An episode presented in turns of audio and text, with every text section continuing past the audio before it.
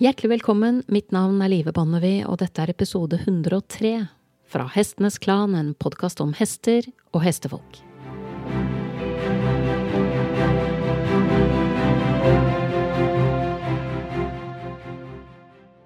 Jeg har vært inne på dette med grenser i møte med hesten i tidligere episoder, blant annet med referanse til barneoppdragelse, men jeg får stadig tilbakevendende spørsmål om nettopp dette med grensesetting i stallen, så jeg tenkte jeg skulle utdype litt.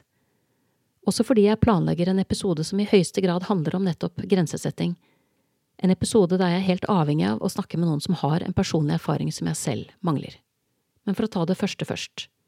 Mitt ståsted når det gjelder hester, er at det er vi mennesker som har valgt at hesten skal være en del av vårt liv, det er ikke omvendt.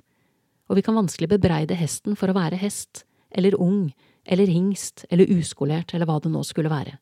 Hester er først og fremst hester, og de har til og med en lovbestemt rett til å utøve sin naturlige atferd.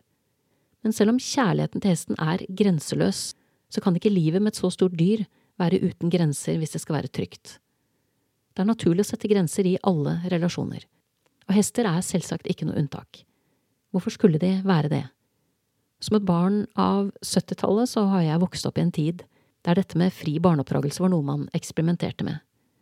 Og nå har det åpenbart gått akkurat lang nok tid til at mange er i gang igjen. Barna skal få finne ut av ting selv, ideelt sett uten ytre veiledning eller ytre bekreftelse. Og det er dessverre fort gjort å glemme at hvis ikke du oppdrar barna dine selv, så kommer andre garantert til å gjøre det men med langt mindre omtanke og kjærlighet enn det du kan tilby. Og når det gjelder trening av hest og hund, så er det jo flere miljøer jeg observerer som jobber ut fra en inngang der belønning og avledning 100% har erstattet straff og grensesetting. Og jeg er selvsagt helt for at belønning erstatter straff. Er det noe vi har lært, så er det at straff, i tillegg til å være unødig brutalt, også har en sterk negativ effekt, og i verste fall kan være direkte skadelig, både fysisk og psykisk. Det faktiske læringsutbyttet av straff er jo også svært begrenset, så velge belønning framfor straff er helt klart et godt valg. Avledning versus grensesetting opplever jeg som en mye mer nyansert diskusjon, og jeg har hatt den med mange. Det er absolutt situasjoner der avledning er supert, men jeg tenker det er litt pussig at mange kvier seg for å sette grenser. For når ble et liv uten grenser naturlig? Alle levende organismer forholder seg til grenser hele tiden, på et eller annet nivå. Det som derimot er verdt å diskutere, er hvordan og ikke minst når man setter disse grensene. Saken med grenser det er jo at jo tettere man er på det punktet der grensen faktisk går, jo mer energi krever det, og jo vanskeligere er det å sette den og holde fast ved den. Forestill deg følgende scenario. Du er på seminar med jobben, med overnatting på hotell. Det er sent på kvelden, og en av deltakerne, en sjef som er vesentlig eldre enn deg, vil gjerne bli med deg inn på rommet, men du er ikke mye interessert i det. Så hvordan setter du den grensen, og ikke minst når? Å stå i en åpen dør inn til hotellrommet ditt, eller i verste fall noen skritt innenfor den åpne døren, sammen med nevnte sjef, gjør det unødvendig vanskelig for begge parter. For da er grensen i realiteten allerede delvis overskredet. Å holde på den nå, det krever ikke bare den energien det ville tatt å holde på den i utgangspunktet, men også energien som må til for å vinne tilbake de stegene som allerede er over grensen. Det som er med grensesetting, det er at den fungerer alltid best før situasjonen oppstår. Og det gjelder, tror jeg, både folk og fe. Ved å være proaktiv allerede på vei ut heisen, så er det mye som kunne vært unngått. Enten ved å avlede. Du, øh, jeg må ned og sjekke en ting i resepsjonen. Vi ses til frokost da i morgen. Eller ved å sette en første grense. Du må gjerne kalle meg rar, men jeg liker rett og slett ikke å bli fulgt til døren. Dette er en klassisk it's not you, it's me-strategi. For det spiller ingen rolle om han liker å følge deg eller ikke. Du liker det ikke, og du har aldri likt det, så han slipper å ta det personlig. Å avlede eller gi klar beskjed om at han ikke er velkommen inn på rommet ditt, er også mye enklere jo lenger unna døren dere står. Og sånn er det med hester også. Som mennesker så er vi helt klart sårbare rundt hester. Og de kan ikke behandle oss som de behandler hverandre, de veier flere hundre kilo mer enn oss.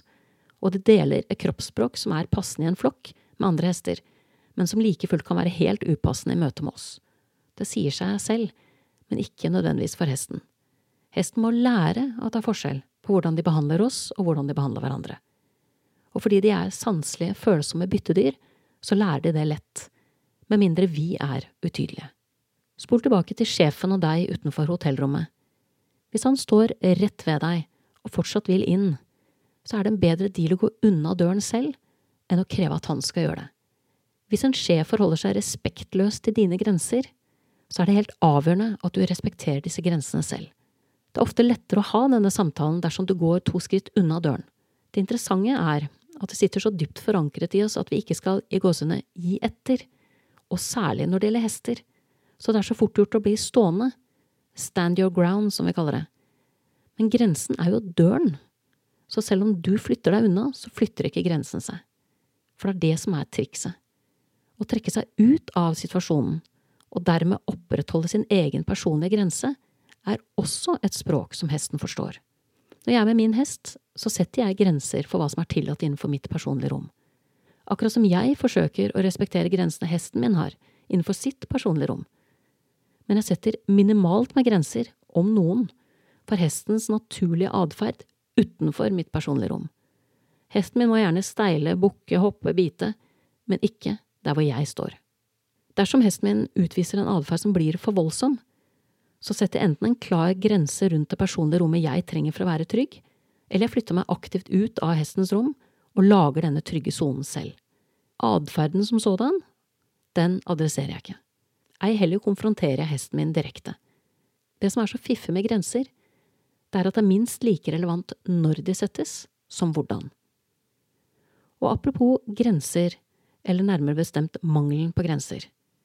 Jeg planlegger i disse dager neste sesongs episoder, og til noen av dem så er jeg på jakt etter innspill fra folk med førstehåndserfaring på ulike felt der jeg har begrenset erfaring.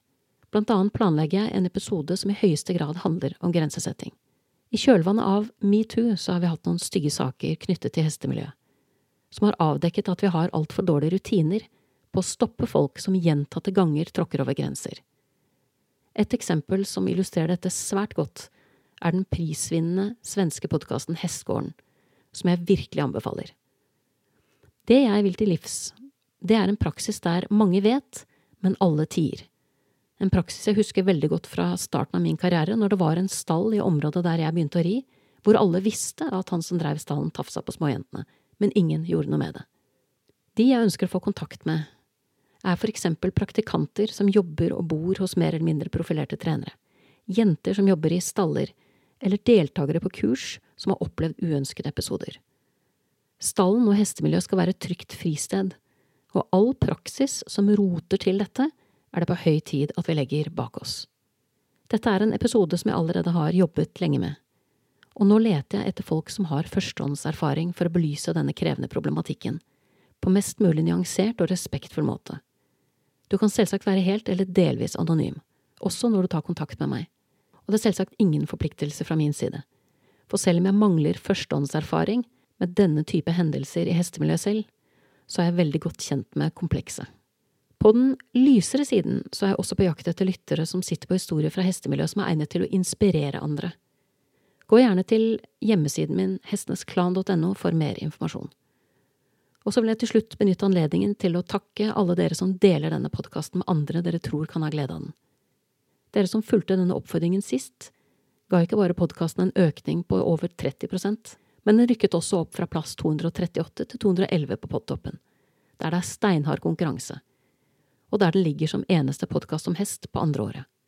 Så tusen hjertelig takk for alle bidrag her. Da gjenstår det bare for meg å takke min faste komponist Fredrik Blom, og sist, men ikke minst vil jeg takke deg, kjære lytter, for tålmodigheten. Måtte hesten for alltid være med deg.